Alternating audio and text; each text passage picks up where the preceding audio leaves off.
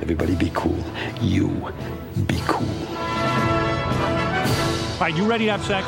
Use a good kiss. We come in peace. We come in peace. You are the motherfucking Antichrist! We're gonna let you go, okay? Ok. Er best på radio. Nova Noir. Hei og velkommen. God morgen. I dag er vi her med Bjørn Kristian Sveen og Hanna Holm Aune. Mitt navn er Sara Hagerup, og vi har to timer med Nova Noir, filmprogram her på Radio Nova foran oss. Går det bra med dere? Yep. Ja. Veldig bra. Så bra. Eh, vi skal snakke litt om forskjellige ting. Vi skal ha litt nyheter. Mm. Eh, og så skal vi også få en gjest i studio i dag. Det blir spennende. Eh, Kenneth eh, Gudmundsrud fra November Film, så det gleder vi oss til. Det gjør vi. Mm. Eh, og så også skal vi ha litt eh, konspirasjonsteorier. Det blir artig. Det er liksom litt sånn tema for sendinga i dag. Ja, så eh, ja, det jeg tror det egentlig er det vi skal gjøre i dag. Jeg tror vi skal kjøre i gang eh, med litt eh, musikk først. Vi skal høre Polish Girl av Nyen Indian. Der hørte du Polish Girl av Nyen Indian. Og som det filmprogrammet som vi er, så vil jeg gjerne vite hva dere har sett siden sist. Hanna, vi kan jo begynne med deg. Ja, jeg har nesten bare sett på RuPaul's Drag Race. OK. ja. Ja. Uh, jeg koser meg veldig med det. det. Jeg fant dette programmet ganske seint. Jeg fant det forrige oktober. Så yeah. jeg har ti sesonger, tror jeg, Å, å catche opp på. Så jeg ja, har bare binge-watcha Mm.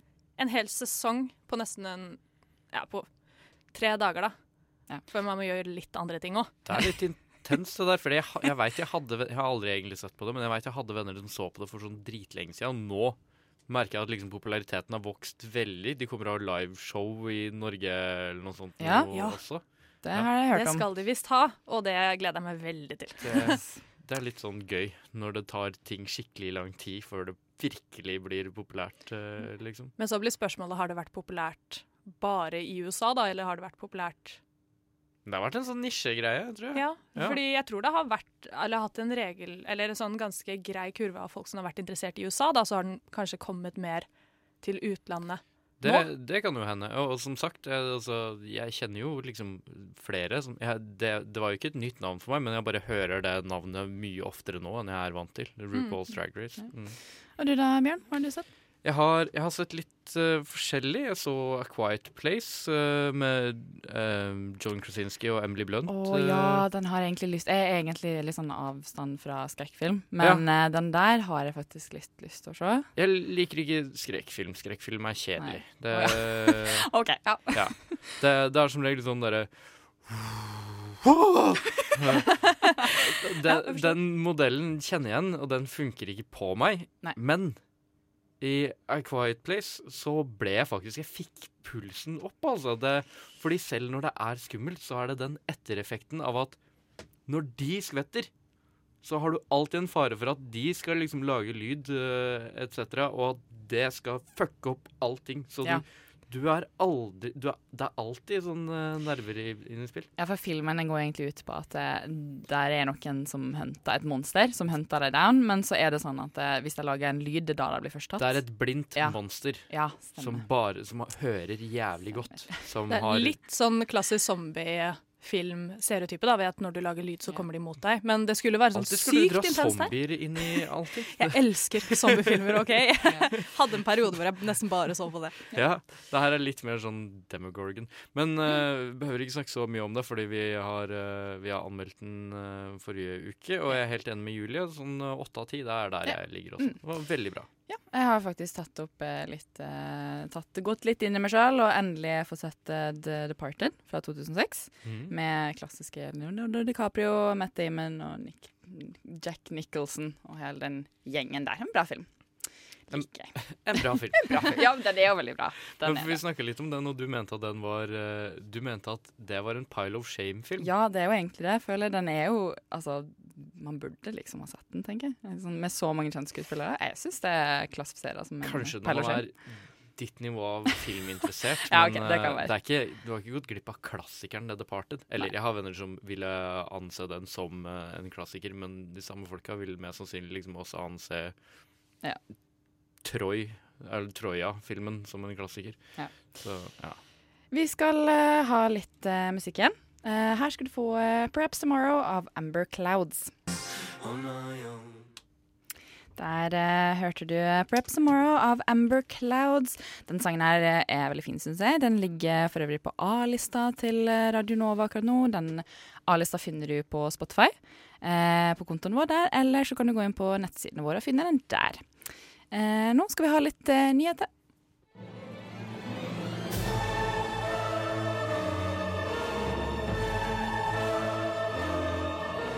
Well, hello, Mr. Fancy Pants.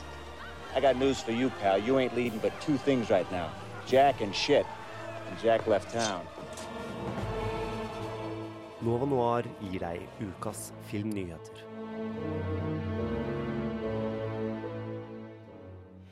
Bjørn, hva har du funnet av filmnyheter for oss i dag? Jeg har Altså, det er ikke så nytt, men det er, eh, det er jo ganske omdiskutert i eh, nyhetsbildet de, i disse dager. Det er jo det at Amazon har uh, forplikta seg til å lage verdens dyreste serie. De har jo kjøpt rettighetene til, eh, til eh, å lage serie av Ringenes herre. Eh, og det da har de forpliktet seg til fem sesonger, hvorav de må begynne produksjon innen 2019, så vidt jeg forsto, eller i løpet av to år. Eh, og totalprisen på det skulle være 1 milliard dollar, eller 7,759 milliarder Det er eh, helt sinnssykt. Nei. 7, kom, jo. Ja. 7 milliarder 759 millioner kroner, cirka. Sånn som jeg Cirka. Ja. Det er jo ganske mye. Uh, jeg har litt å si om det, for jeg har lest ganske mange Ja. Saker om det. Og det er veldig mange som er sånn derre Å, å, men du ser hva som skjedde når de Å, de har ikke nok materiale, for du ser hva som skjedde når de prøvde å lage Hobbiten. De skal prøve å lage liksom, ny trilogi av Hobbiten. Det er ikke mer å skal plutselig lage serie når de ikke greide å lage tre nye filmer engang, eh, liksom.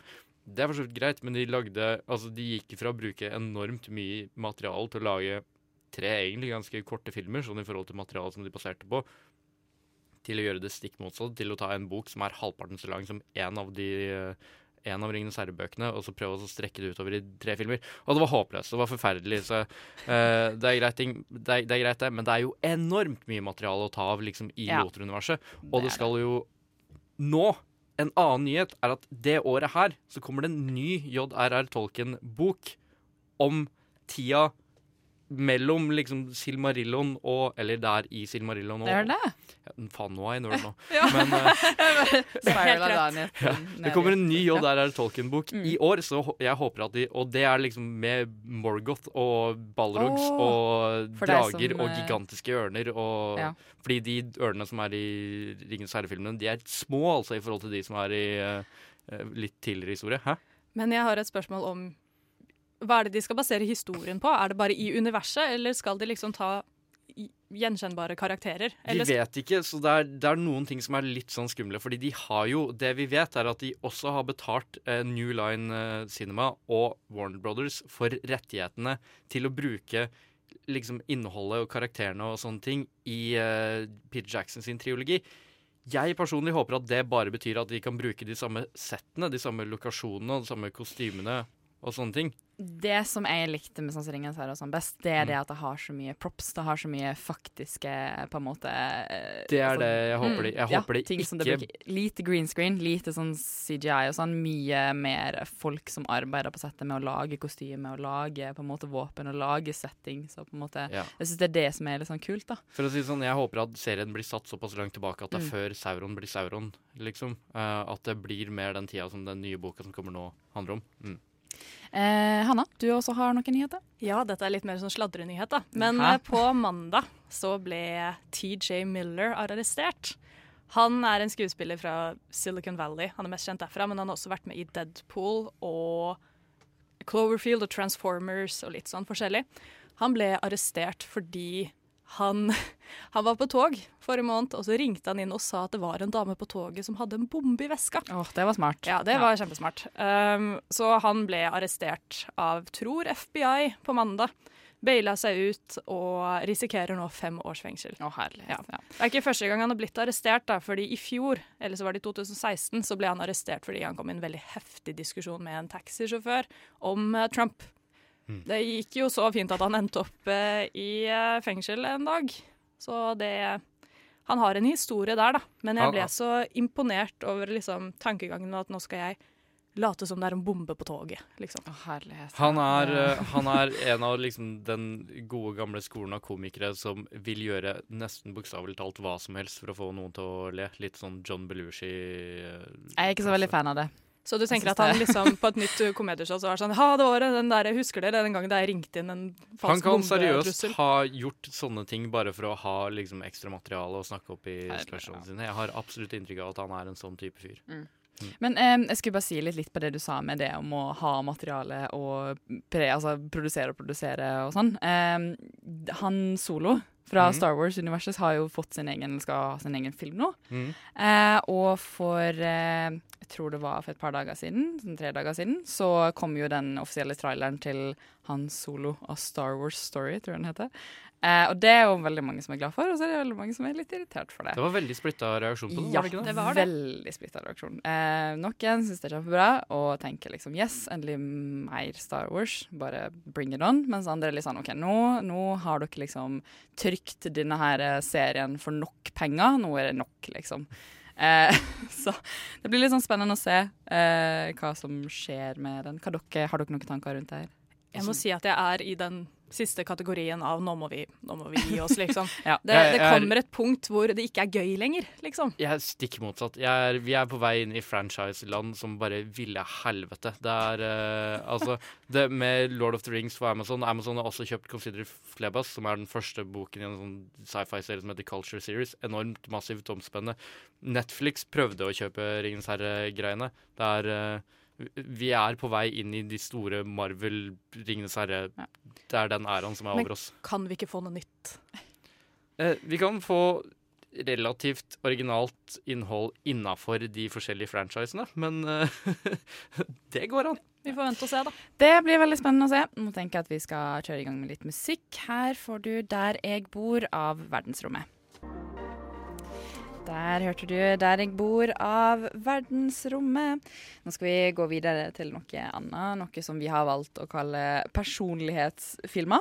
Eh, det går på en måte ut på at jeg leser opp noen filmer, eh, tittel på noen filmer. Eh, og så får du, Bjørn, og du, Hanna, hjelpe meg litt. Også For det jeg er interessert i å finne ut av, er hva slags type person er du hvis du syns denne filmen her er veldig bra eller veldig dårlig, eksempel. Skal vi snakke litt om det. Så vi kan begynne med Twilight. Hvis du syns at Twilight er bra, hvilken uh, type person er du da? Så får dere bare skrive kjapt ned hva dere tenker. Og så har du det, Hanna? Ja. Ja, jeg ser for meg Det er to kategorier av mennesker som liker Twilight. ja, okay. Det er eh, tenåringer rundt Eller folk som er 12 til 15 år når Mhm. filmene kommer ut, og de som er 40-50. OK! Eh, Det finnes jo. Det er jo disse Twilight Moms. Ja, heter jo de, det! Som Det er eh, er så utrolig gira Ja. på disse filmene. Fordi de bare tilfeldigvis så det med datteren sin, f.eks. Mm. Um, jeg ser for meg at de har bilde av alle karakterene på veggene sine. Og at de går med fan-T-skjorter dagen lang og quoter det. Det det er det jeg ser for meg. Det er det du ser for deg. Bjørn, hva ser du for deg når du tenker på Det Det var jo mye det samme som jeg tenkte. Ja. Eh, var det jo Det ble jeg litt skuffa over hos de nevnte det der 40-50-åringene, egentlig. Fordi da tenkte jeg at nå- skal jeg være morsom. Eh, og si, og folk i 40-50-åra som er nyskilte og ja. har Eh. mye fritid for første gang. Plutselig veldig liksom uh, Twilight interessert. Kan jo også være de folka som for eksempel en nyskilt som skal få et nytt bånd da, med datteren sin, og så blir de veldig interessert i det datteren blir interessert om. En annen ting er uh, republikanere. Oi! Fordi eh, det, det? Det er en sånn uh, greie at når det er demokrater i Når det er en demokratisk president, okay. så øker antallet eh, vampyrfilmer Og når det er en republikansk president, så øker antallet zombiefilmer. Tuller du nå? Det her er en faktisk statistikk. Nei. Nei? Jo. Nei. Jo. Nei. Hvor er, hvor er beviset for det? Jeg vil se det. Jeg har Nei, lest det på internett. Der skal jeg skrive bacheloroppgave. Ja. Ok, ok, vi går videre til eh, alles kjære High School Musical. Uh, featuring uh, Troy og Gabriella, som uh, det lovely high school-couplet som de er, jeg tror hvilken type person tror dere at det er det som uh, syns at High School Musical er livet? Jeg tror det er eh, folk som Å, det er den type folk som har liksom vært populære det meste av livet. OK. Som, eh, som bare trenger bitte litt nyanse. De som ikke er klare for å liksom hoppe inn på de mer sånn diverse eh, greiene. Eh, men som bare trenger en litt sånn derre sånn «Hå, Kanskje det er litt kult å, å, å synge og danse og sånne ting, eh, liksom. Så Ja. For hele første filmen handler jo rett og slett om at man skal break free. Man skal eh, på en måte tørre å breaking free. OK, sorry. Eh, Janna, hva tenker du? Jeg ser for meg litt det samme som forrige Ja. kategori. Mm. Um, og de 40-50-åringene er da midt i en personlighetskrise. Altså gamle, perverse griser Åh, Uff da. av begge kjønn. Oi, OK. Interessant. Ja, greit. Ja, sant det. Ja, Ja, det kan være noe. Ja, men det kan jo være noe i det at man sitter der og bare Ja, det er, det er jo Gni, ja, mm, Mm, mm, blir litt svett i håndflata. Efron. Tenårings-Efron begynner også å skyte litt hoop, Så OK, vi skal gå videre til eh, noe litt mer uh, maskulint, kan man kanskje si. Uh, Fast and Furious, og da tenker jeg bare på én film, jeg tenker på hele frasen, hele greia. Hele alle ser. Det er vel åtte filmer nå. Det blir vel ni filmer til etter hvert. Eh, hvilke nå er vi veldig Altså, nå er vi kjempegeneraliserende, og liksom vi spiller på alt det som heter stereotypi, men det er gøy. Så hvilken type person tror du det er som eh, verdsetter Fast and Furious høyere enn vann? Det er de guttene i 20-årene Ja. som er sånn «Åh, Jeg ser ikke på film, jeg ser bare på Fast and Furious. OK, ja. Mm. jeg ville si alle mellom sånn type 13 og 83 som liker også Som har den spesielle fetisjen det er å elske å påpeke når ting er urealistisk. OK. Det er, det er de, altså, de sitter hele filmen og bare sånn Girer litt vel mye. Jeg vet ikke hvor mange som har fortalt meg «Hå, Det er Fast and Furious-filmen. Ja, det er, det er ganske bra, men uh, girer litt mye, eller? Det, Så du tenker at alle som ser på Fast and Furious, må sitter der for å påpeke ja, men det er en sånn Men- egen sånn fetisj som enkelte har de, de, de liker sånne filmer der de Men kan du- påpeke sånn Ja, for det der er Det der går an, eller det var saklig. Jeg må, jeg må si at jeg er det mennesket på sånn alle typer filmer. Men altså, jeg har sett, jeg har sett de her filmene. Jeg har binga binget de filmene her. Ja. Eh, jeg skammer meg litt, men det går bra. Alle sammen? Eh, ja, jeg har sett alle. Alle sammen? Alle sammen har jeg sett. Hvorfor det? Eh, nei, du, det, er Det er jo den samme filmen ja, ni jeg ganger. veit det, men det er lett underholdning. Eh, men uansett, så er det faktisk på, på et punkt der han han gira i revers sånn to eller tre ganger. Sånn, jeg tror ikke det er mulig, men uh, special cars, I guess. Ja, for det er jo, fordi det er jo en egen superhelt-franchise. Det, det har jo blitt det. Ja, det har jo blitt det. Mm. Det er jo litt sånn, jeg syns det er veldig merkelig, den hele greia der. Eh, vi skal gå videre. Eh, v for Vendetta. Der føler jeg ofte at det er veldig veldig splitta meninger. Enten så er du en person som får ei sånn Wow! Det her er den kuleste filmen! Det har så masse innhold! Du bare tenker sånn Jeg skal spise denne filmen her. Eller så er du litt mer sånn Eh, den var ish OK. Hvilken type Mhm. person tror du folk generelt faller under? Hanna?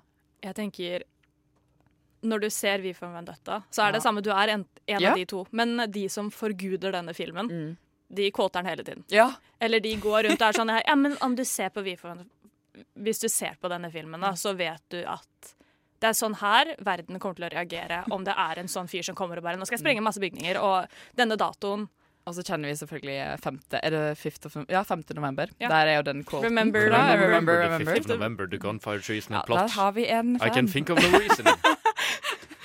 Skal du ta hele på ramsen, Ja, eller? ja. Eh, mye Bjørn, har du mer å si om det? Nei, altså det er jo egentlig altså, Nå er jo temaet litt uh, i dag er jo konspirasjoner. Og det er jo Ja. absolutt alle som liker alle former for konspirasjoner. Og som er også veldig sånn uh, fan av liksom gun rights uh, i det hele tatt. Det er sånn, altså, det, vi for Vendetta, det er sånn verden blir også, hvis ikke Second Amendment uh, og vedlikeholdes. Ja, for det er helt sikkert sant, det. Kom på en annen gruppe mennesker som ser på Vi for Vendetta. Det er de som tror at den skal være som Phantom of the Opera, men ikke helt har fått med seg hva den faktisk handler om. Så de som setter seg ned og bare 'Dette blir som Phantom of the Opera', bare Koselig. minus sangene, liksom. Det blir skikkelig koselig, og så sitter de gjennom den og bare 'Oi, hva faen'? Det er sånn pro promoen for Deadpool. Liksom. Jeg skulle en gang gjette på hva, hvordan jeg trodde Phantom of the Opera var, og nå skjønte jeg plutselig hvor jeg har inntrykket mitt av Phantom of the Opera fra. Det er der. Vi for Bjørn Vendetta. Bjørn Epiphany. Yes. Eh, Jøsses. Ja. There you go, liksom. uh, vi skal uh, ta for oss én siste film. Uh, det er en klassiker. Eh, 'Titanic', om vårt alles kjære synkende skip. Eh, eh, hvilken type For det her også føler jeg det er veldig splitta. Enten så elsker du 'Titanic', eller så hater du den. Eller så gidder du ikke å se den engang. Ja. Jeg vet ikke. Hanna, har du tenkt? OK, det er jeg får opp ganske mange forskjellige typer mennesker på Mm. akkurat Titanic. Det første er meg selv, som bare ikke liker den fordi du ble tvunget til å se på den. Ja, det er vi sånn snakka ganske mye om det i går også. Når vi, eh, når vi var her, så snakka vi om eh, filmer som du blir tvunget til å se, og som du da, fordi du ble tvunget, ikke liker den. Mm. Dette er en sånn klassiker for meg. Og så er det de som tenker at dette er den beste kjærlighetshistorien Mm. som finnes. Det her er sånn kjærlighet ser ut. Og så har du den siste delen, da. Som sitter der og bare Ja, jeg vet ikke helt. Altså, de har kjent hverandre i sånn en uke, da, men det Ja ja. Er det kjærlighet, så er det kjærlighet, liksom. Jeg tror det er et gigantisk overlapp uh, i folk som liker uh, Folk som liker eh, Fifty Shades of Grey, Ja, og folk som elsker Titanic. det kan Jeg tror det er mye de samme folka. Du skulle ikke tro det. for det er ikke så mye kinky Nei, i, I Titanic. Titanic. Ja, men det var kinky for når den filmen kom ut, da. Det kan være sånn like at den var French litt Girls? eh, Ja, men at den var litt Ja, men at den eh, var, Forskjell på det og buttplug, altså. Ja. Ja ja, det er det, men hvis du tenker at, hvis du tenker at det er de samme folka, tenk da når eh, disse menneskene så Titanic for første gang, så var det sånn herregud, det her er det beste Ja, jeg har sett. Ja. Så går det et par år, og så bare blir denne trangen for Ja, Et sånn type så den har kjærlighetsliv vokst i takt med, med med utvikling. kinken til Ja, Det er som Harry Potter for, for seksuell motivasjon. Nei, det er ikke bra. Nei. Eh, for vi sporer av helt her nå. Eh, så tenker jeg at vi skal høre 'Citation Call' av Nylenda. Og før, nei, etter det så skal vi også få høre Miriam Folland sitt innslag som heter 'Et kjærlighetsbrev til familieserien'. Men først en sang. Eh, 'Citation Call'.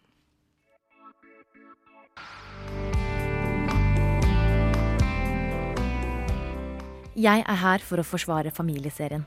Du vet serier som omhandler en familie over mange sesonger, på en måte som får det til å virke som om familier opererer i individuelle enheter, der medlemmene er nært knyttet sammen, sjelden borte fra hverandre, med minimalt innspill fra omverdenen. Sjangeren som får en altfor bad rap pga. serier som Seventh Heaven og dens moderne, men ikke like hjertevarmende motpart The Fosters. Are you trying to arrest our kids? We gotta get out of here. The Fosters. Watch from the beginning. Eller one-line-baserte komediesitcoms, helst med laugh tracks, slik som Grounded for Life. Full House. Capiche? Capiche. All right. Let's play. Eller resten av alle serier som ble skrevet ca. 90-tallet. Men det trenger ikke være sånn her. Familieserier kan være så mye mer, og de er så mye mer. Her kommer min liste over mine topp fem familiefilmer som skal overbevise deg om det samme. Hi, Valerie. I'm a 47 year old DILF looking for my MILF. DILF? Ugh. Next. Nummer fem på lista går til Casual. Hulu-serien er å finne på HBO Nordic og gir deg tre deilige sesonger med familiedrama. Serien handler om Alex, en datingapp-gründer som sliter med datinglivet. Søsteren hans Valerie, som nettopp har skilt seg og bor hos broren. Og datteren hennes Laura, som er en emosjonelt frakoblet tenåring som sliter med å finne ut av sex, venner, kjærlighet og forholdet til moren og onkelen. She clearly has different expectations. She should have said something. But no, instead, we sleep together and it automatically means something. To a lot of people, it does mean something. Why? Serien er kul fordi den tar opp temaer som hva er sunne familieforhold? dating i den digitale verdenen, ensomhet og nihilisme. Den gjør det på en morsom, interessant og annerledes måte, og du burde definitivt sjekke den ut. Now, the story of a wealthy family who lost everything, and the one son who had no choice but to keep them all together. Plass fire går til Arrested Development. Det er overraskende mange jeg snakker med som fortsatt ikke vet om, eller har sett den hysteriske humorserien om verdens mest dysfunksjonelle og irriterende familie. Anyway, it's a party, and I want the whole family there. We're having a party? No. Den er fra 2003 og hadde originalt bare tre sesonger, før Netflix i 2013 slo til med en reunion av familien Booth for en sesong fire, eksklusiv på deres streamingtjeneste. Because you're a chicken. You're a chicken. Cuckoo-ca-cha! Cuckoo-ca-cha! I år kommer den femte sesongen ut. Serien er kjent for å bare bli morsommere og morsommere utover sesongene. Humoren er knivskarp, fjollete, klein og magisk, med karakterer som vil få deg til å ville rive ut håret ditt. Serien er laget i sånn håndholdt dokumentar-mockumentary-stil. Så hvis du likte serier som Community, 30 Rock, Parks and Recreation, Modern Family, så var dette faktisk serien som gjorde denne stilen populær. Likte du noen av de nevnte seriene, kommer du garantert til å elske Arrested Development. Alle sesongene kan du se på Netflix.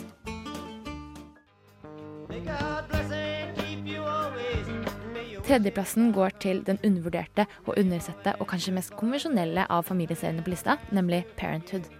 Søsknene Sarah, Adam, Crosby og Julia, deres foreldre Zeke og Camille, deres partnere Christina, Joel, Jasmine og Hank samt barna Sydney, Max, Jabbar, Amber, Drew, Hattie, Victor og Nora er karakterspekteret vi har med å gjøre. Det er hektisk, distré og overveldende, men på en eller annen mirakuløs måte klarer vi å empatisere og engasjere oss for hver og en av de. Why does she hate me, Mom? Daughters hate their mothers. I think it's a law of nature. But you know what? Then they come back.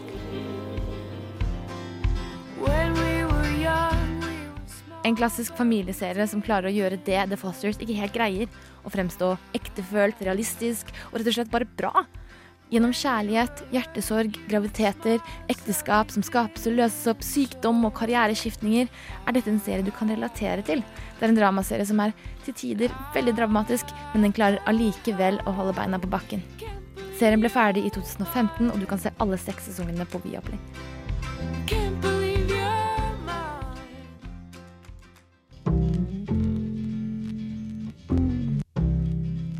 Sølvmedaljen går til Better Things. Pamela Adlon, med litt hjelp av Louis C.K., har laget denne fantastiske lille perlen av en serie. Adlon spiller selv hovedpersonen Sam, som forsøker så godt hun klarer å balansere livet som skuespiller, sitt personlige liv og rollen som trebarns alenemor for døtrene Max, Frankie og Duke. Mom. What? Can we adopt a Syrian refugee baby? No. They're dying every day. You're literally murdering a baby by not adopting one right now. Frankie, get out. Dude, sorry. Den kvinnedominerte serien er progressiv, litt edgy, veldig intelligent, uanstrengt morsom, fengslende og rørende. Where are you going? Bitch, I'm going to the moon. Oh my god. Mom, this is child abandonment. We're like orphans now. You guys can move out and get an apartment together when I'm gone. Wait, did you mean it? Mom! Du kan finne den på HBO Nordic, men jeg advarer. Ikke begynn å se den med mindre du ikke har andre planer i helgen. Fordi så fort du begynner, lar den deg ikke gi slipp før du har sett alt ferdig. Louis C.K. er sparket fra serien, men uh, frykt ikke, serien trenger ikke han. Og dessuten har jeg hørt at han egentlig ikke hadde så mye med serien å gjøre i utgangspunktet. Sesong tre av serien er planlagt å komme ut i løpet av 2018. You know you're rich when you get to name your home. My home is called House Full of Tiny Assholes with Vaginas. If you're out on the road. På toppen av pallen finner vi den fineste av de fineste, den vakreste, flotteste, beste av de beste klassikeren Gilmore Girls. I hate President Bush. What?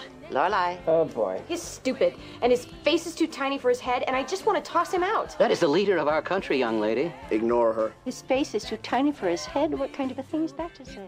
Gilmore Girls er den perfekte serie.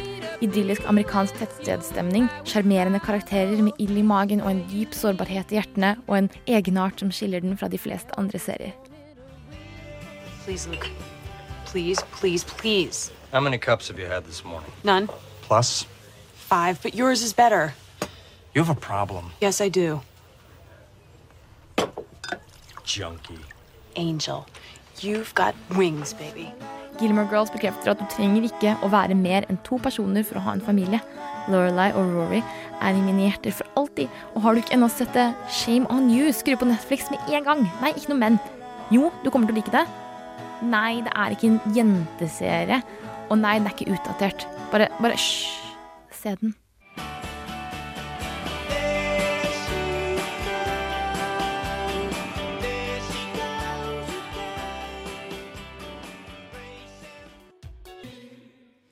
Der hørte du Beach House av Disaster in the Universe. Og før det hørte du Miriam Folland sitt innslag Et kjærlighetsbrev til familieserien. Men nå har vi fått en gjest i studio. Kenneth eh, Gudmundsrud fra November Film. Velkommen skal du være. Takk skal du ha. Eh, Det er jo ikke så ofte vi får gjester i studio, så det her blir veldig spennende. Eh, Men sånn som jeg forstår det, så jobber du med postproduksjon og fargeredigering, eller? Det stemmer, Ja. Mm. ja. Kan du fortelle oss litt om hva jobben din går ut på en hverdag? Ja, eh, den er jo litt eh, allsidig, da. Det, For jeg jobber jo med på en måte det meste av ferdigstillingen av det vi lager. Om det er eh, TV-programmer eller dokumentarfilmer. Um, så det går jo i å fargekorrigere ferdig klipte programmer. Og så fikser jeg eh, grafikk, og hvis det er noe visuelle effekter, og så sjekker jeg at alt av lydmiks og sånn er i orden. Og så passer jeg på at eh, Altså, vi lager jo litt eh, journalistiske ting også, så det hender at det er litt sladding involvert. Uh, og da er det viktig at jeg passer på at det er gjort riktig òg. Ok, Så du har på en måte en ganske viktig del, da, kan man si, uh, i på en måte denne produksjonen. For jeg tenker, hva er det som gjør at uh, ditt fagfelt er på en måte Jeg føler at det er veldig etterspurt for tida. Uh, Ja, det er kanskje det. Mm. Um, det har jo litt med at uh, man har stor frihet når man kan skru i farger og gjøre alt mulig med, med bildene. Og så er det også en trend at kameraer, når de filmer, så er alt veldig utvaska og flatt, som vi kaller det. da. Eh, og da må det etterarbeides uansett, kan du si. men uh, altså, dette her med fargeredigering og sånn, hvordan ble du interessert i dette feltet her?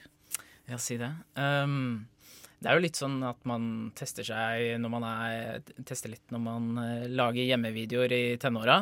Mm. Um, Vært der. ja, ikke sant? Um, og så var det litt tilfeldig at underveis i studiene så var det ofte jeg som, som justerte litt eh, fargene på eh, de studentfilmene vi lagde. Eh, og så ble jeg liksom Så fikk jeg jobb, og så hvor jeg var litt sånn nære potet, litt alt mulig gutt. Og så ble jeg litt sånn spurt tilfeldig kan du noe fargekorrigering.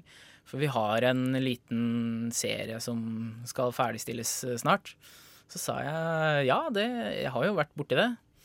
Eh, jeg sa jo ikke at det, det bare var sånn litt på studentnivå, men uh, da, da, da gjaldt det å liksom Uh, intenst eh, studere over en kort periode hvordan, hvordan gjør jeg det Ja. her for å få til et noenlunde resultat. Ja, Nei, det kan jeg forstå. Uh, men jeg tenker, hvilken type utdanning hadde du fra før av? Gikk du, altså Er det en skole for det, eller? Nei, ikke sånn spesifikt.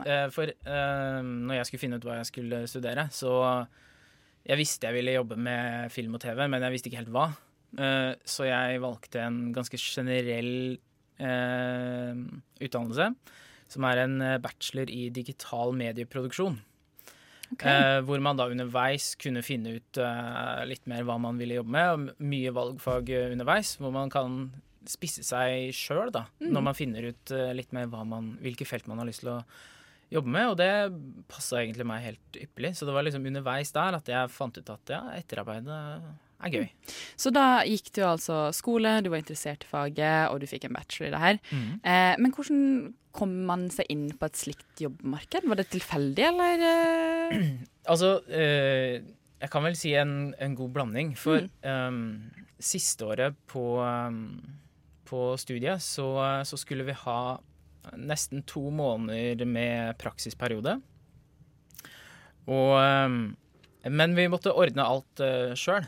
skolen la ikke opp til Eller ordna ikke noe på en måte for oss. Um, Vi måtte skaffe, skaffe et praksissted sjøl, og hvis vi ikke klarte å skaffe det, så fikk vi ikke fullført bachelor. Nei, Så, ja. eh, ja, OK.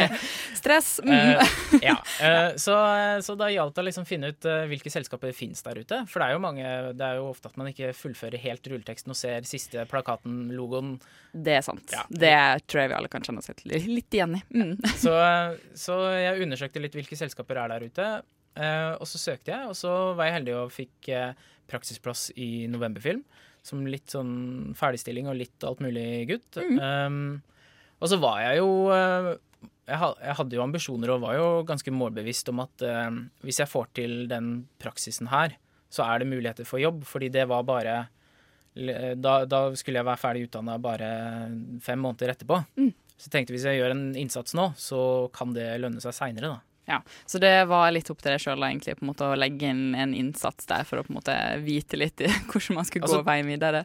Ja, for det var jo, Mm. det, var jo det som var eh, målet. Men Mm. man veit jo aldri om man er heldig nok til at det timingen passer for selskapet heller. Ja, det er akkurat det. For det Mm. er eh, Ja, um, i løpet av et år så er det veldig forskjellig hvor mange ansatte et sånt selskap har. Mm. Kanskje man har eh, 50, kanskje man har 20. Ja. Avhengig av hvilke produksjoner man har i gang.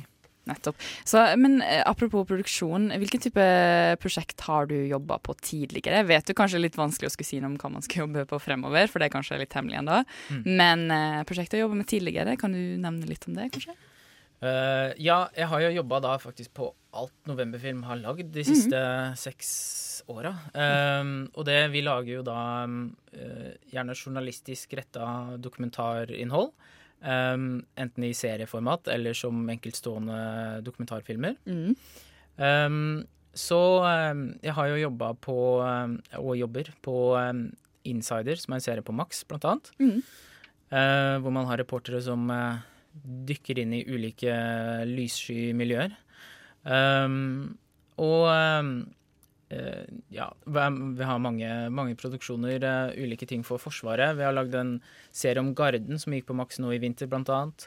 Um, og vi har en serie nå på, uh, på Sebra som heter Kompani Spitsbergen. Som følger eh, de, de siste gruvearbeiderne på Svalbard. Ja. Kjempespennende. Vi skal ha uh, litt eh, musikk, men bli med oss videre her med Kenneth Gudmundsrud i studio. Da er det på tide å spille 'Sunshine of Thanks'.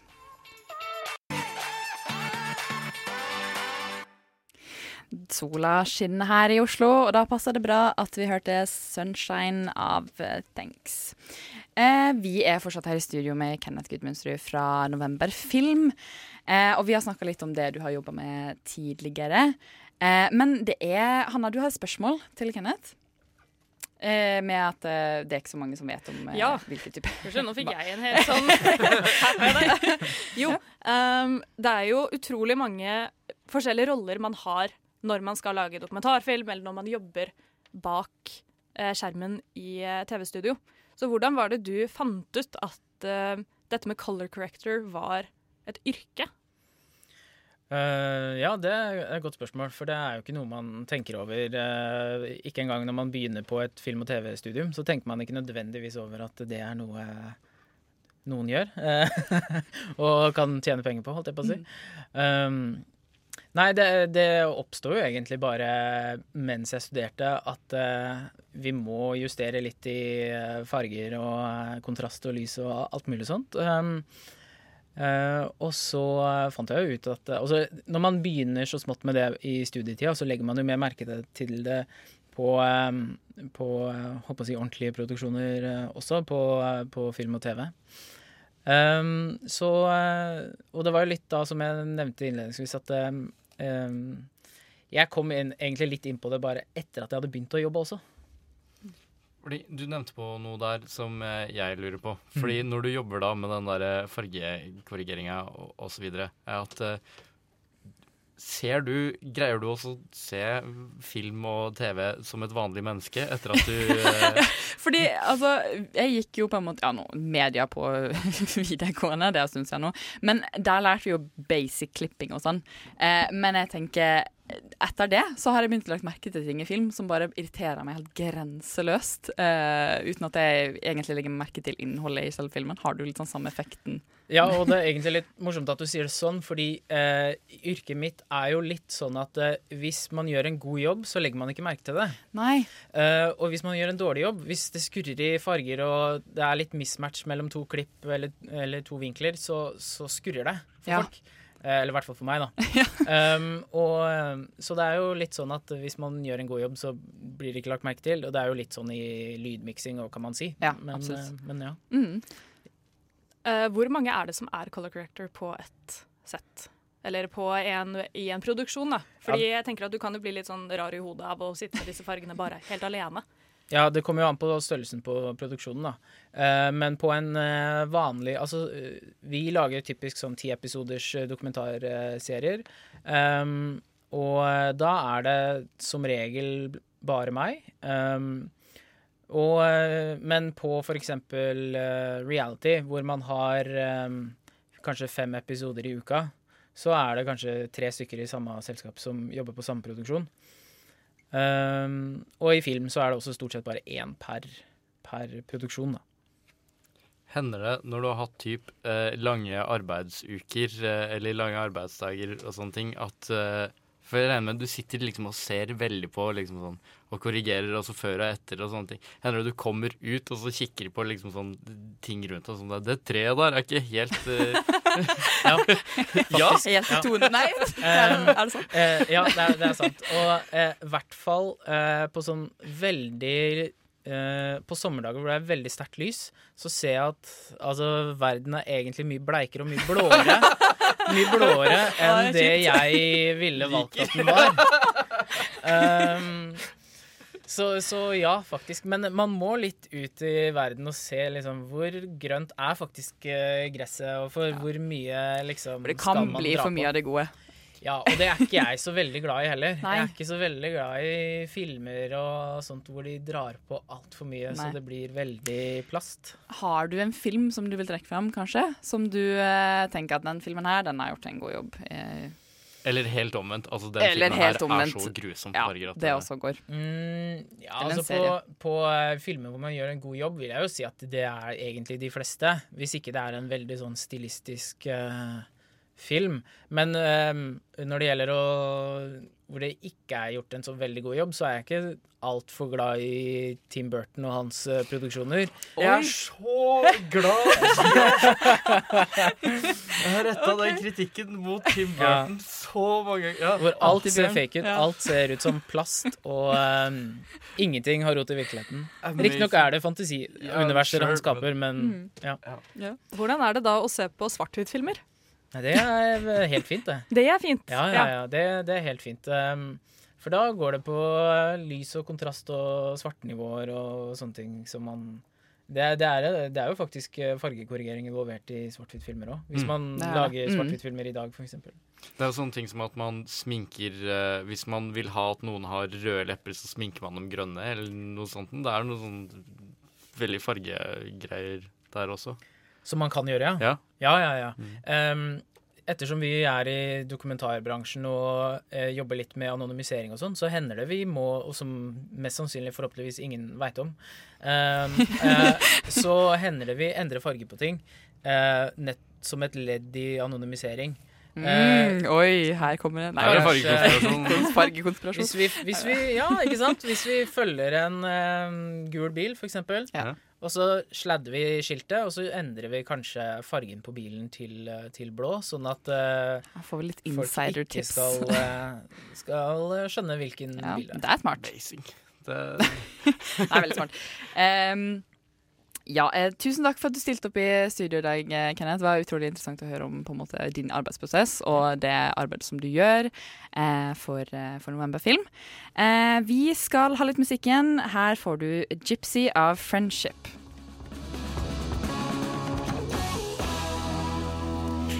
Der hørte du Gypsy av eh, Friendship, og nå har vi kommet til den delen av eh, programmet som er litt Jeg, har gleda meg. Jeg har gledet meg.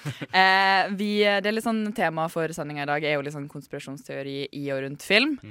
Eh, så eh, dere to har jo fått eh, muligheten til å eh, trekke fram litt artig konspirasjonsteori. Jeg ser Hanna er sykt gira, så du skal få lov til å begynne.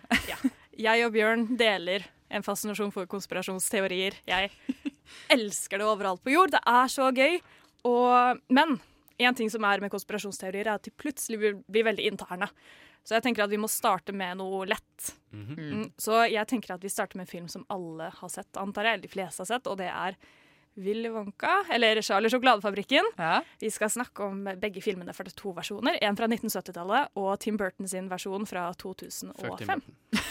Vi er fortsatt på den, men det er greit. Um, ja. Jeg tenker vi bare kan eh, starte. Den egentlig hovedteorien rundt Charlie Sjokoladefabrikken er at eh, Willy Wonka skal eh, Eller har en plan om å straffe barn som er slemme. Å, jeg kan den her! Ja, du kan den så bra! jeg, jeg ikke. Um, det det går ut på, er at i 1970-versjonen av Willy Wonka, så, eller av Charlie Sjokoladefabrikken, så ser man aldri barna som forsvinner gjennom rommene igjen. Så der er det en teori om at Willy Wonka bare sakte, men sikkert tar livet av de. Og uh, man ser jo Man ser det jo aldri igjen, så det er liksom Nei. spørsmålet. Jeg tror den teorien, den teorien var veldig utbredt på 70-tallet òg. Så i 2005-versjonen så har de jo bestemt at de skal vise fram barna Ja, igjen. Men ja. da ser man veldig tydelig hvordan de har vært påvirket av dette besøket. da. Mm. At han ene er fire meter lang og Hun andre er liksom en svær bowlingkule på størrelse med en elefant, liksom. Ja, litt, sånn, litt sånne forskjellige ting, da. Um, Koselig. Og en av, en av bevisene man har, da, siden eh, denne går igjen i begge filmene, er at i 2005-versjonen så står Willy Wonka ganske lenge og later som at han ikke vet helt hva han skal gjøre for å hjelpe. Sånn, det, beste, um, det beste eksempelet er jo når hun eh, veldig preppy, rike jenta mm. skal gå og ta seg et ekorn, fordi det, det har hun bare fått for seg at det skal hun få, liksom. Ja. Så sier Willy Wonka ah, ikke gjør det, og så steller han seg litt tilbake og venter litt. Og så når pappaen begynner å få litt panikk, da, etter at han blir kasta ned i søppeldunken, så begynner han liksom å fomle litt med nøkkelen og bare bla, bla, bla. Men med en gang sangen er ferdig, så er det veldig åpenbart at han vet hvilken nøkkel det er. Så han bare setter den rolig inn, snur og sender pappaen inn i samme skjebne. Å, herlighet. Det her er jo kjempecreepy. Altså- Skal vi ha en Bard-film? Jeg, jeg, jeg, jeg vet om den teorien her, og, og, og grunnen til at Fordi jeg, merket, jeg leste noe, som merka meg veldig fordi at eh, jeg leste Konspirasjonen, og så tenkte jeg eh, Er ikke det poenget? Så Jeg, jeg trodde det var sånn jeg, altså, jeg trodde filmen var sånn som konspirasjonen er. At han liksom viljefullt dreper de her eh, Herregud, det er jo helt barna. Et Fordi- annet uh, tegn på det er jo når de, etter at Augustus Gloop nesten Mm. drukner i sjokoladen, så kommer denne store, fine båten, men det er bare plass til de som er igjen. Mm, mm, mm. Så det er eh, Stemmer det er Jeg tror jeg til og med har lest boka på et tidspunkt. Det, har jeg. Ja. Men det har jeg aldri tenkt over. At eh, Du ser dem aldri igjen der. Koselig Willy Wonka er egentlig en murders on a Men det er jo spree. Battle Royale. Det er jo hele Jeg tenker ikke over det som tolvåring, da. Det er jo en konkurranse der han plotter liksom de mest kompetente barna mot hverandre for å finne den absolutt mest kompetente ungen. Ja, Når du sier det sånn, så skjønner jeg litt hva du mener, egentlig. Det er eh, en annen ting. Eh, Mike TV går gjennom hele denne filmen og sier han holder seg ut ganske lenge. Mm. Han sier jo til Willy Wonka i 2005-versjonen sånn ja, dette er, det er litt rart, hvorfor ser vi på bare disse rommene? Det har ikke noe med sjokolade å gjøre. Altså, du er litt sær, liksom. Hva er det som skjer?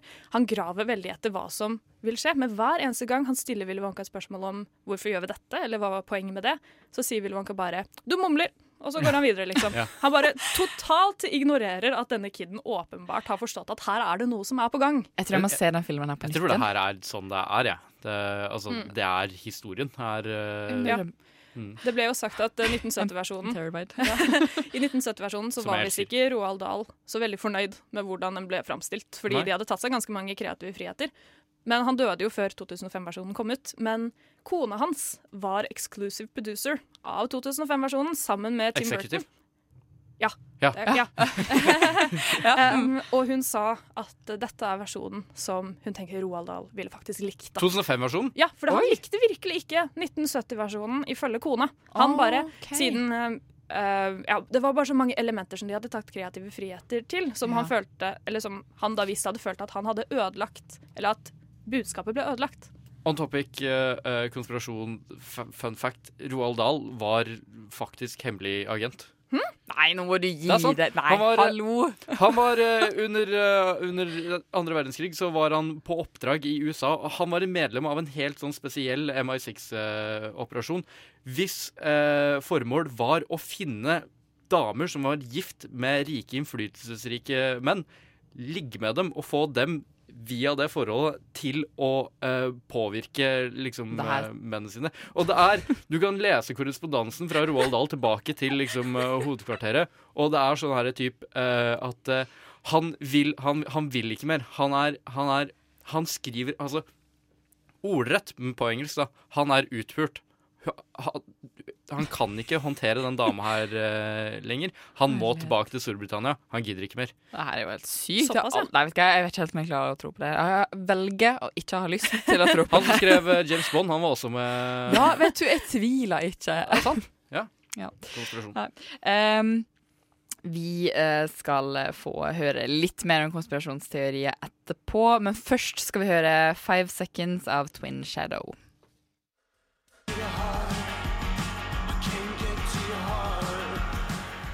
Det var Twin Shadow med Five Seconds. Eh, nå skal vi snakke litt mer om konspirasjonsteorier. Vi har akkurat hørt Hanna sin crazy teori om eh, Charlie Sjokoladefabrikken. Mm. Eh, så nå går vi videre til Bjørn. Bjørn, hva har du brought to the table for oss her i dag? Jeg har en eh, konspirasjon sammensatt av eh, to. Eh, og jeg har overforberedt meg som faen til, uh, til hele stykket her. Men uh, for, å, um, for, for å ta tilbake til han som var kollega av Roald Dahl under, under andre verdenskrig som hemmelig agent. Han uh, het jo Ian Fleming, og han skrev James Bond. Ja. Ja. Eh, så jeg skal snakke litt om, om eh, James Bond. Mer spesifikt om Sean Connery sin James Bond. Uh, Sean Connery spiller i en film som heter Nå må bare henge med. Sean Connery spiller i en film som heter The Rock. Uh, Michael Bay og Don Simpson sitt Magnus Opus fra 1997 Nei. Ja, 1990 et eller annet. Et eller annet. Um, 1999, kanskje? Jeg husker ikke. Ja, uh, og der er jo, det er jo Sean Connery, og så er det han godeste Faen, jeg husker ikke. Nei. ja, han, som, han som det er umulig å si om det er uh, Om jeg er god, til å, god skuespiller eller ikke. Uansett, det er ikke Ja, poenget. Ja. I, uh, i uh, The Rock så spiller Sean Connery en fyr som heter John Mason. Han er tidligere SAS-agent. Han har sittet i fengsel i sånn 30 år.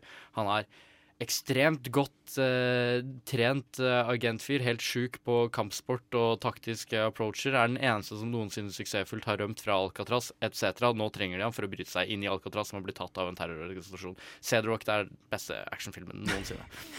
I hvert fall, så Teorien er det at eh, han heter John Mason i, eh, den, eh, i den filmen, men han har altså tilgang på han har vært spion. Han har tilgang på liksom sånn statshemmeligheter. Han, har- han veit hvor en mikrofilm er, og grunnen til at han sitter så lenge i fengsel, er at han nekter å i den mikrofilmen.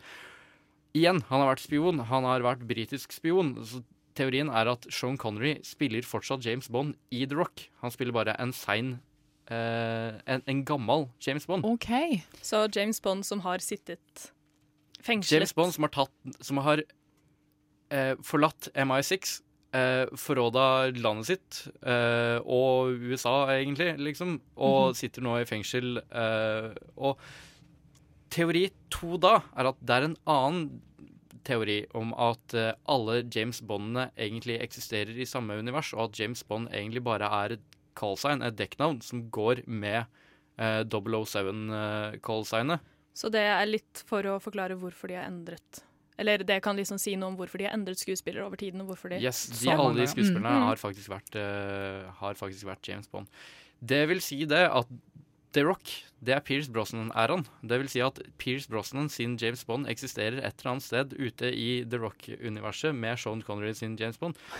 Jeg syns det er en Jeg synes de bare burde gjøre det canon, og så, og så dra opp igjen Kanskje det kan lure Sean Connery ut av retirement, hvis han får lov å spille John Mason eh, igjen. Det tror jeg hadde vært veldig gøy. Det er litt interessant, fordi når man tenker på James Bond, så tenker man at man har byttet ut skuespillere.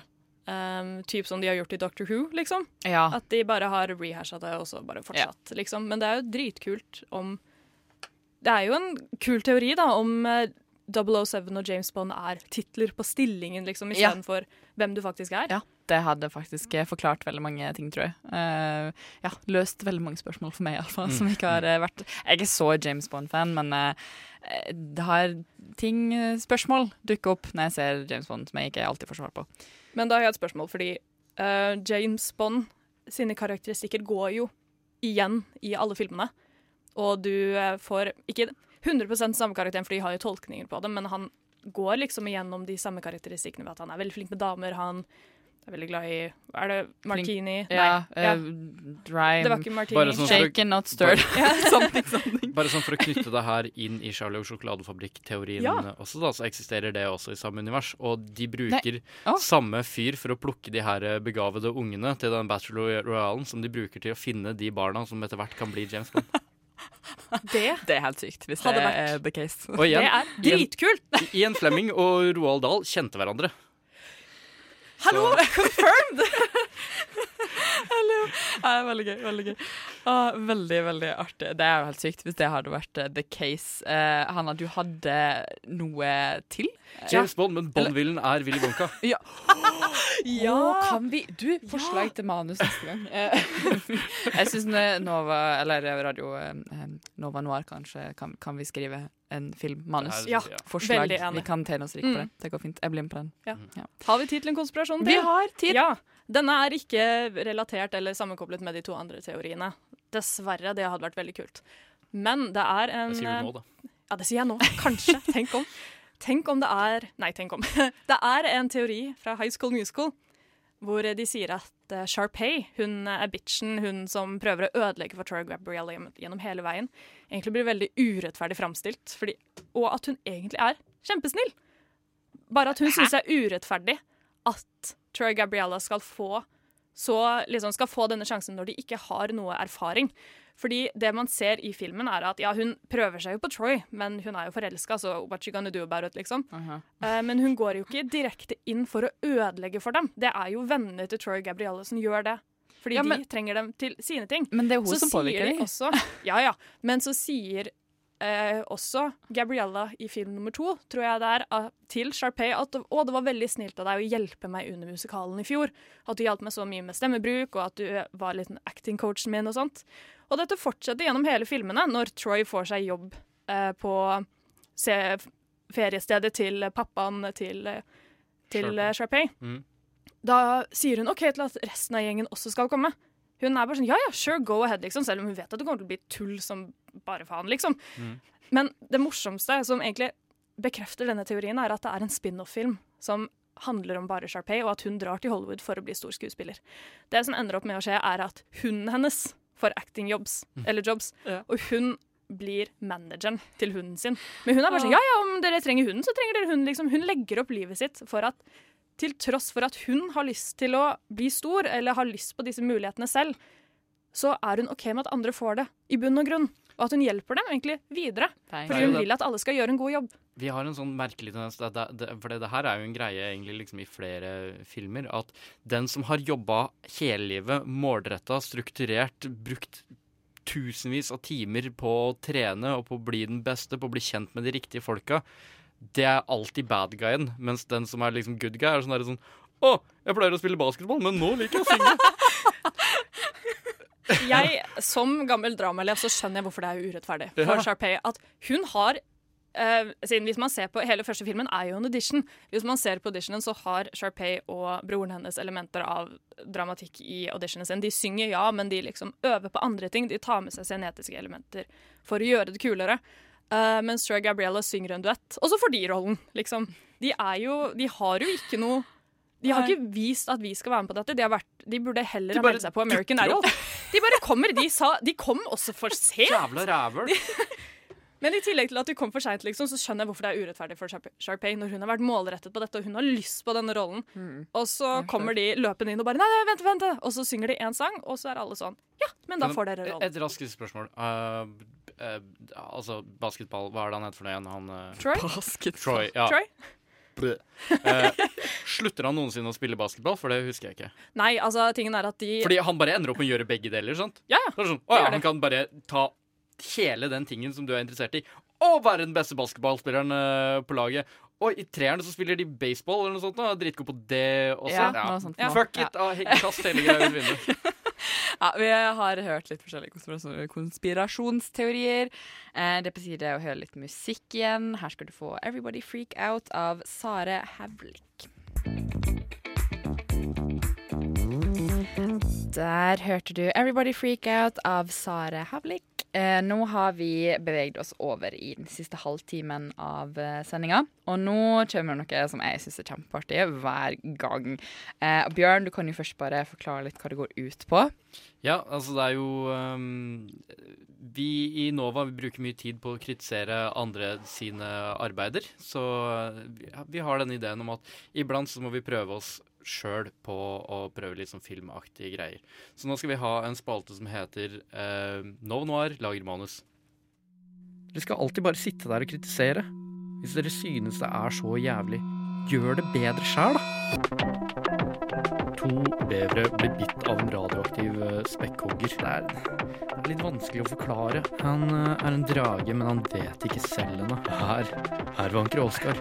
Altså, poenget var da altså, Poenget er da at eh, det der ville jeg betalt for å slippe å se. Nova Noir lager manus. Ja. Ehm, så nå, jeg lager manus, og min manusidé til i dag, den, eh, den, den holdt meg oppe i natt. Den er basert på en gammel idé som jeg hadde, fordi jeg begynte også å lese Bibelen igjen for ikke så lenge siden. Jeg, Her blir interessant. Jeg er ikke egentlig kristen, men eh, det, det er kjekt å lese. Og jeg fikk da sånn veldig inntrykket da jeg leste eh, Det gamle testamentet, at det her dreier seg litt om en sånn romantisk eh, historie. Så manusideen min i dag er Bibelen, en romantisk komedie. Eh, bare sånn warning for folk som er kristne. Det her er høyt innhold av blasfemi, så skru av de neste ti minuttene hvis du ikke, hvis du ikke tåler det. Jeg hadde betalt allerede. Så ja, jeg har igjen overforberedt meg som faen, for jeg har fem sider med manus. Men, eh, men jeg skal prøve å oppsummere. Så, i hvert fall. eh, jeg kan bare lese den første delen eh, raskt. Fade in. Gud er i himmelen, et uendelig ferieparadis omringet av englene, perfekte vesener som eksisterer for intet annet enn å tilfredsstille Gud. De koser seg og danser rundt Gud, evig takknemlige for at ingenting er annet enn å være i hans nærvær. Vi zoomer inn på Gud, han sitter i sentrum, med et strålende beger i den ene hånda, armen lett henslengt over armlenet. Han ser tankefull ut. Kurt, i sort. Glinsende bobler i briljante farger beveger seg tyngdeløst i alle retninger. Vi hører en androgyn stemme. Det bare Det funker ikke lenger. Sorry. Kutt tilbake til Gud. Gud sukker dypt. Han kikker opp, ser på englene, men er ikke fornøyd. Han sukker igjen og drikker dypt av begeret. Så det som skjer etter her, er at Gud har en samtale med Lucifer. Lucifer er litt sånn dårlig justert i forhold til den andre englene, så han gjør litt sånn uforutsigbare ting. Det gjør at Gud får en idé. Han, eh, han skal bekjempe sin egen sorg ved å lage menneskene. Og så begynner vi på en hel prosess der Gud lager mennesket umiddelbart, fordi mennesket er liksom i bildet av Gud, så er mennesket sånn der sånn typ «Hæ, Så jeg er akkurat sånn som deg, og så du har laga meg som er akkurat sånn som deg, fordi du trenger noen som er sånn som deg. Og Gud er sånn «Eh, Ja. Og så Og så er mennesket sånn Ja, da vil jeg ha en av meg også. Sånn, sånn som Gud er. Og så begynner det bare det massive sånn problematiske relationship-forholdet mellom menneske og Gud, og igjen fordi mennesket er liksom justert sånn som Lucifer er, så det er litt sånn utilregnelig, ikke frivillige. Så er det liksom sånn hele tida sånn Så Gud prøver å blande seg inn og hjelpe menneskene med å liksom gjøre gode beslutninger, og så blir han frustrert fordi de fucker det opp allikevel. Og så, sånn, og så går vi opp gjennom hele historien om menneskelig utvikling, og vi liksom bare ser det sånn cutscene, eh, liksom, og Gud driver og ser på det, irriterer seg, snakker med englene om det. Og så ser vi Lucifer går og plotter i bakgrunnen fordi han er litt sånn her eh, misfornøyd. For han var den opprinnelige liksom litt sånn fucka opp. Og hvorfor kan ikke han Altså, det er sånn Alt jeg vil for, er å bli som deg. Det er Lucifer eh, tidlig i historien. Så, men så ser vi liksom eh, all menneskelig teknologi og utvikling og så videre. Og så sakte, men sikkert så blir liksom mennesket mektigere og mektigere og begynner å nærme seg mer sånn gudenivå-teknologi. Til det at vi drar ut i verdensrommet, vi får tilgang på Vi, vi dør ikke lenger. Vi har ubegrensa med, med, med energi etc. Og så kommer vi liksom til Den begynner å nærme seg finalen. Gud sitter med, liksom, sitter med potetgull og koser deg, fordi nå, nå snart nærmer seg finalen. Nå nærmer det seg at mennesket blir der jeg opprinnelig planla at det skulle være. Og så begynner han å kalle på englene rundt seg for å, at de skal um, At de skal liksom gjøre det klart til det store eventet. Vi vet ikke helt hva som skjer. Hva er det som skjer? Hva er det, hva er det Gud egentlig planlegger? Og så begynner han å rope sånn derre Hei, folkens! Nå må vi få ting i gang her. Og så er det ingen som svarer. Og så Hei, folkens! Og så reiser han seg opp, og så ser han seg rundt, og så ligger alle englene døde, og der står Lucifer. Lucifer har plotta hele tiden for å liksom bare sånn Fuck deg, Gud, for at du ikke behandla meg som den sønnen jeg fortjente å bli behandla som. Det her er dypt. Ja. Herregud. Så det blir sånn lite standoff, og Gud er bare sånn skikkelig forvirra, og Lucifer er dritsint og snakker om menneskene og allting som har skjedd, og begynner å anklage Gud for at du har kjærlighetssorg, du! Det er hele grunnen til at du lager mennesker, er fordi at du har fuckings kjærlighetssorg. Fordi det finnes en annen gud. Altså, Eh, nettopp, ja. Eh, og så uh, skal Lucifer drepe Gud, men akkurat idet det skjer, så åpner det seg en dør. Mennesket kommer inn, ser Lucifer, dreper han på flekken, og så sier Gud 'Hvor mye har du hørt?' Mennesket sier Mennesket som nå er sånn en Mhm. Inkarnert Gudaktige. Vi er nå én felles kognitiv masse på nivå med Gud. Eh, og bare sånn der Jeg hørte allting. Bare, er det sant? Er det sant? Er det, er det derfor jeg er skapt? For å være kjæresten din? Skjønner du hvor incestuøst det er? og Gud bare sånn Nei, nei, nei, du har feil i det. Du har feil i det. Ja, det er sant, jeg har kjærlighetssorg. Men grunnen til at jeg har laget menneskene, og at menneskene har fri vilje, er fordi jeg trenger noen til å drepe meg. Plott twist! Oi! Så hele greia var et selvmord hele veien. Nei, men herregud. Det er derfor vi har fri vilje. Nei, det er er derfor vi utvikler oss. Jeg fikk litt sånn vibes fra Å, nå husker jeg ikke hva filmen heter, men Jennifer Nei, jo Jennifer Lawrence og mm, ah, Siste fyren. De som er fanga på et romskip, og de var de eneste som har Eh, våkna. Passengers. Ja, Ja, Passengers. jeg fikk litt med- sånn med- samme at mm. når han Chris vekker Ja, når eh, Chris Pratt vekker Jennifer Lawrences karakter, og så er han sånn Ja, altså, jeg var litt kåt på deg, da. Det var litt derfor det. Og hun bare sånn Ja, altså, så da er vi i stykker, da. 80 år. Han bare Ja, pretty much. ja. Jeg forstår, jeg forstår. Ja. Ja, eh, Nei, for det her er jo da mm. min personlige liksom konspirasjonsteori om, eh, om, Om den Gud- kristne religion. At uh, allting er bare et elaborate suicide. Aha. Herregud. Er kan du dra på det teologiske fakultetet og argumentere for det, vær så snill? Det, det hadde jeg betalt for å ha sagt. Det, det, da, da tror jeg blir uh, Holdt på å si kort, kortfest. Ja, advara mot uh, ja, blasfemi. ja, ja, du gjorde det. Du, du advarte. Du gjorde det. Nei, uh, den eh, filmen her, den høres helt sinnssyk ut. Får jeg budsjett, liksom? Altså, Eh, skal vi se. Altså Hva vil du ha gitt, Hanna? er det kortfilm, eller er det spillefilm? Nei, det her er spillefilm. det spillefilm. her Det hadde her vært en spillefilm. En bra, lang, god spillefilm. Ja. Jeg vil komme med et forslag til hovedrollen som Gud. OK, Ja, ok. kjør på. Jeg vet ikke helt hvorfor. Jeg fikk veldig for Sier du Morgan Freeman nå? Nei, det gjør ikke det, for jeg har lyst til å gå vekk fra den. Jeg har lyst på Jack Nicholson.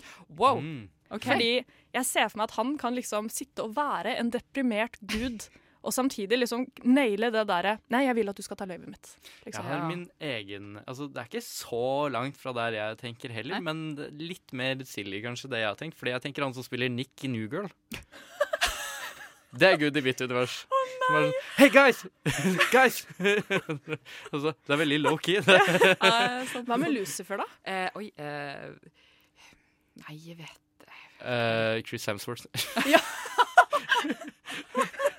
Og så vil jeg at inkarnasjonen av mennesket, det er Arus Elba. Eh, OK. Fordi Ja. jeg vil alltid ha Arus Elba inkludert i allting. I, så- I alt, i, spesielt i sånne Mm. ting, kanskje. Mm. Nei. Elsker det. Mm. Ja, og så vil jeg, kan jeg komme med et forslag om at englene de skal være skjønnsløse og veldig liksom Ja, det er egentlig Det er sånn som Egentlig, sånn som eh, jeg tenkte, var at jeg skulle holde liksom, det første mennesket kjønnsløst også. Ja, uh, men sånn at liksom alle englene Man kan ikke Mm. se forskjell på dem. De er Mm. liksom den samme Nei. tingen, liksom. mm. Ja, det kan være at alle sammen er Chris Hemsworth. Ja! Ja. Å, herregud, han har Men Han også kjønnsløs. Chris uh, Ja. Hemsworth. Bare Ja, ja, med massive kanskje- muskler og liksom Kanskje Lucifer kunne ha fått eksempel hår, da. For å være sånn det, akkurat han der er Ja. Lucifer. Fordi nå var. Gud litt, ja, ja, nå var Gud litt mer kreativ, liksom. Vi kan slenge på noe hår, liksom. Rødt hår. Rødt hår! Fordi ginger.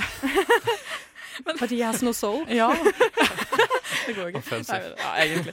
Eh, men, Nei, jeg tenker vi skal uh, få litt musikken. Eh, veldig godt eh, innspill der på manusforslag, Bjørn. Eh, gir det, hva gir du? Karakter, Hanna? Ti av ti. Ti av ti? Wow! Umiddelbar Shit. klassiker. Ja, ja. det, den, ja, OK, greit. Jeg skal henge meg litt på en. Ni av ti. Ja, ok, det er nesten. nesten. Dette er jo en film som man aldri kommer til å se lignende av. Det er akkurat det. Jeg tror jeg, tror aldri jeg har hørt noe lignende før. Så ja, derfor. Nei, eh, vi skal få 'Wonderfult' av Great News.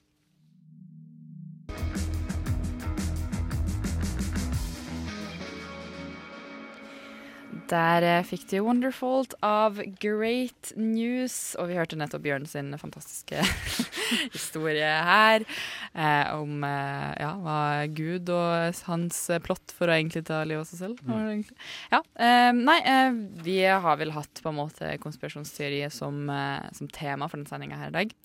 Eh, vi har gått over uh, Vi er snart ferdig, mm. men uh, vi har et lite stikk til. Uh, tenker, snakke litt om filmer vi har lyst til å se framover. For jeg har en del filmer som jeg kunne tenkt meg å se, som jeg ikke har fått sett enda. uh, har du noen, Bjørn? Ja, altså Kanskje det jeg gleder meg mest til uh, akkurat nå, er Phantom Fred. Ja, for den fikk veldig gode anmeldelser. Gjorde den det? For han har ja. ville ikke sjekka det. Så. Nei. Å ja, oi, beklager. Ja, ikke sant. Ja. Ja, mm. eh, nei, den fikk Jeg tror den fikk eh, Jeg husker ikke hvilken avis det var, men det var en Den norsk avis. Så- ja, men den fikk den første der av sin sekser, på en måte, Mm, mm. av året fram Mm. til nå. Eh, så den var visst helt sinnssykt bra. Håper så det. den ja. tror jeg du skal glede deg veldig til, egentlig. Mm. Men jeg er enig med at jeg ikke sjekker sånne ting i forkant. For jeg blir veldig redd for at det bare spolerer alt. Ja. Det påvirker? Um, ja, det Mm. påvirker. Er Jeg, føler, jeg er veldig lett påvirkelig på sånne ting. Innbiller jeg meg, i hvert fall. Ja, ok. Ja, jeg også, men det er litt problematisk når man skal liksom være filmjournalist. Så må jeg liksom se litt trailer og lese litt anmeldelser likevel. Det er akkurat det. Mm. Mm. Uh, jeg har lyst til å se to filmer som er litt eldre, og jeg har lyst til å se de av to ulike grunner. Det første var at jeg så at Boss Baby hadde kommet på Netflix. men herlighet. det hadde den ikke. Det var en TV-serie. Jeg har med vilje ikke betalt penger for å se på den, for jeg, jeg betaler ikke for Netflix, jeg. Jeg bare ripper off den som gjør det. Men, eh, Som alle andre. alt skal liksom bli TV-serier istedenfor. Kan du ikke bare legge ut den forbanna filmen istedenfor å liksom lage en TV-serie? Eh, og Boss Baby i seg selv er, altså, i seg selv liksom, er kanskje ikke den beste filmen. Nei, det er kanskje derfor du har venta til den kom på Netflix, før Ja. du tenkte sånn Ja, nå kan jeg se den. Det var bare det at konseptet Jeg så eh, starten av den når eh, babyen er på dette samlebåndet og liksom ja, går igjennom eh, nettverket og liksom hele pakka. da Jeg syns det var litt kult. Uh, jeg, er jo ikke, jeg forventer jo ikke at den kommer til å bli så veldig bra, men jeg tenkte at det hadde vært morsomt å se. da Mm. Det andre jeg har lyst til å se, er The Emperor's New Groove. Har du ikke sett den før? Jo, jeg har sett sett ja, den ja. mange ganger. Grunnen til at jeg har lyst til å se den, er fordi jeg har et hamster som heter Kusko. og jeg ble Ja, Det ville vært veldig rart hvis du hadde en hamster som het Kusko, og du ikke hadde sett uh, Ja, ikke sant? Uh, men jeg følte at jeg måtte liksom jeg, bare fikk, jeg har fått så mange flashback fra den filmen, og hvor Ja. morsom den er etter at jeg fikk Kusko. er så Jeg er bra. så du skal falle med meg. Ja! Ikke i dag! Så den skal jeg se igjen av litt sånn nostalgi fra Ja. når jeg så den da jeg var liten, og litt sånn hedring til hamsteret mitt. Hedring til hamster. Ja, Ja, okay. Til lille hamster Kusko, som er keiser i min I din leilighet. bolig. Ja. Ja. Mm. Eh, altså, den filmen er så sinnssykt undervurdert. Det er Den faktisk er ikke tull engang. Hver gang jeg ser den, så tenker jeg bare sånn Den her filmen er gull. Altså, det er skikkelig bra. Alle må se den. Nei, ja, jeg syns det. Altså, hvis Jeg du spør et barn nå og spør liksom har du sett The Emperor's New Groove, så har jeg fått nei, liksom. Yes. Ja. Jeg jobber på SFO. Jeg Ja. med vilje valgt den filmen. Sånn, den her skal, den kan vise i dag, liksom. Hæ? det er, dag, er. Disney? Det jo Disney, er det Er ikke? det? Ja, jo, ja, det er Disney. Ja, det er det, for den, den gikk er- jo en serie på Disney Channel. Ja, men den, var ikke, den hadde ikke like stort budsjett som de andre Disney-filmene, så den Mm. fikk ikke like mye prom Den ble jo ikke sendt i Norge på kino. Den kom jo bare rett på Disney Samme Channel. Samme Taron og den sorte gryte. Det er den mest undervurderte Disney-filmen. Her, hvilken da? Taron og den sorte gryte. Den har jeg ikke sett. Å, herregud. Det har Er det på Nei, den er- den har jeg ikke sett. Det må dere se. Hvor Dere kommer til å, å få frysninger og grine og Er det som pulverheksa? Hæ? Er det litt som pulverheksa? Jeg vet ikke hva Nei, ok, pulverheksa da glem det. Hva er det? nei, det er heks. Som, Er det Disney? Ja, nei, det er det ikke. Det er barnebok, tror jeg. Det er barneboken. Ja. Eller det Mm. har i hvert fall blitt lagd barnebøker av det senere. Jeg vet ikke hva det er i utgangspunktet. Eh, hva sa du? Jeg vet ikke hva det er i utgangspunktet. Nei, Jeg garanterer at det er tusen ganger dårligere ja. enn uh, Taran og den sorte gryte. Nei, men da skal jeg finne ut av hva det er. Send meg en link, Bjørn, så skal jeg uh, få, Ja, jeg tror det har blitt Den er såpass eh, gammel at det er mulig den ligger ute gratis, faktisk. Ja. Nei, jeg tror det blir eh, ganske bra. Eh, nei, um, altså jeg har eh, en, en liten uh, en film som jeg burde kanskje ha sett. Jeg føler det er veldig pile of shame for min del. Enda en film. Eh, det er Space Odyssey. Har du ikke sett den? Nei. Sara. 2001, 2001, Space, ja. Space, ja, 2001 Space Odyssey. Den, eh, den, den har ikke jeg sett. Den burde jeg ha sett. Den skal jeg se. Jeg prøver å jobbe meg gjennom IMDb sin eh, 250 toppliste av filma. Og den eh, ligger for bli på eh, 91. plass, tror jeg. Ja. Ja, 91. plass på IMDb sin toppliste. Eh, så jeg skal prøve å komme gjennom Jeg lista. den var høyere. Eh, ja, man skulle tro det, men eh, nei, det er den ikke. Den ligger der. Det er så motsatt sånn en, det er en fyr jeg ser på nettet som gjør det motsatte. Han ser på de som er eh, lavest rangert, og går gjennom de. Det er oh, ja. også veldig underholdende. Å, du, den lista var jeg faktisk innom her om dagen. Det, Mm. er, det er katastrofeområdet. Det er togkrasj til 1000, liksom. Det er et uh, brasiliansk filmselskap som uh, er kjent for å bare rehashe oh. andre filmer. Da. Det er en uh, av Rotatouille, for eksempel. Det, Mm. De har lagd en film som heter Rotatong. og det er sånn blanding av liksom Into the Sewers og Rotatouille. Den er veldig sær, og animasjonen er så creepy. For det er så mekanisk, og man ser at de har brukt sånn 1000 kroner på liksom En annen ting som jeg gjorde, var å prøve å rangere filmer på, på uh, IMDb etter høyest score, men også liksom nyligst uh, rangert. Uh, liksom, da får du Ja, OK. Da får du sånn filmer med sånn tre anmeldelser. Men alle sammen har vært sånn toppvurdering, for det er de tre folk som har laga ja. filmen, som uh, Ja, som har gått inn og bare Ja. Nå skal jeg skrive, skrive litt om min egen film. Det var Ja. sikkert 40 personer med å lage den filmen, men det er bare tre av dem som faktisk har giddet å se den sjøl. Det, oi da. Det, det, det lover er ikke godt. Det var en film som uh, jeg fikk helt sjokk. Det er en um, rip-off-film som heter The Incredible Bulk. Og det er Hulk-parodi, eller Ah, re, ja, sånn ja. rip-off, da. Og den handler egentlig om en fyr Altså Det er egentlig samme historie, men istedenfor å bli stor og grønn, liksom, så blir han en sånn stor lilla klatt. Oi. Og det er liksom, alt er filma på green, green screen. Absolutt alt. Å, faen. Okay. Ja. Ikke bra. Ikke bra. Men eh, ja, eh, også hvis eh, folk liker å se dårlige ting, kjøp Amazon Prime. Fordi det er veldig gode ting på Amazon Prime, men det er også den største katalogen av ting som aldri burde vært utgitt, som jeg noensinne har sett. Eh, ja, vi eh, skal eh, snart ta og runde av her, tenker jeg. Vi har hatt to ganske fulle timer. med både Vi har hatt nyheter, vi har hatt innslag, vi har hatt Kenneth Gudmundsrud fra November Film i studio. Det var jo kjempeinteressant. Så jeg har hatt det veldig artig på sending i dag. Det var ja, veldig bra. veldig. Mm. Vi har hatt selvfølgelig vår fantastiske tekniker Ulrikke Svenne her bak spakene, så mye takk for det. Og så har vi Hanna Aune Holm. Og Holm. Holm, Holm Aune, beklager. Det går og eh, Bjørn Kristian Sveen. Det er jo korrekt. Eh, Kristian med K. Med K. Ja, det er veldig viktig. Vi er tilbake igjen eh, neste torsdag. 10-12, samtid. Eh, håper dere følger med da. Mitt navn det er Sara Hagerup, og takk for i dag. Og så får dere ha en fin dag. Ha det bra. Ha det. Nova Noir gir deg filmnytt og anmeldelser torsdager fra 10 til 12 på Radio Nova.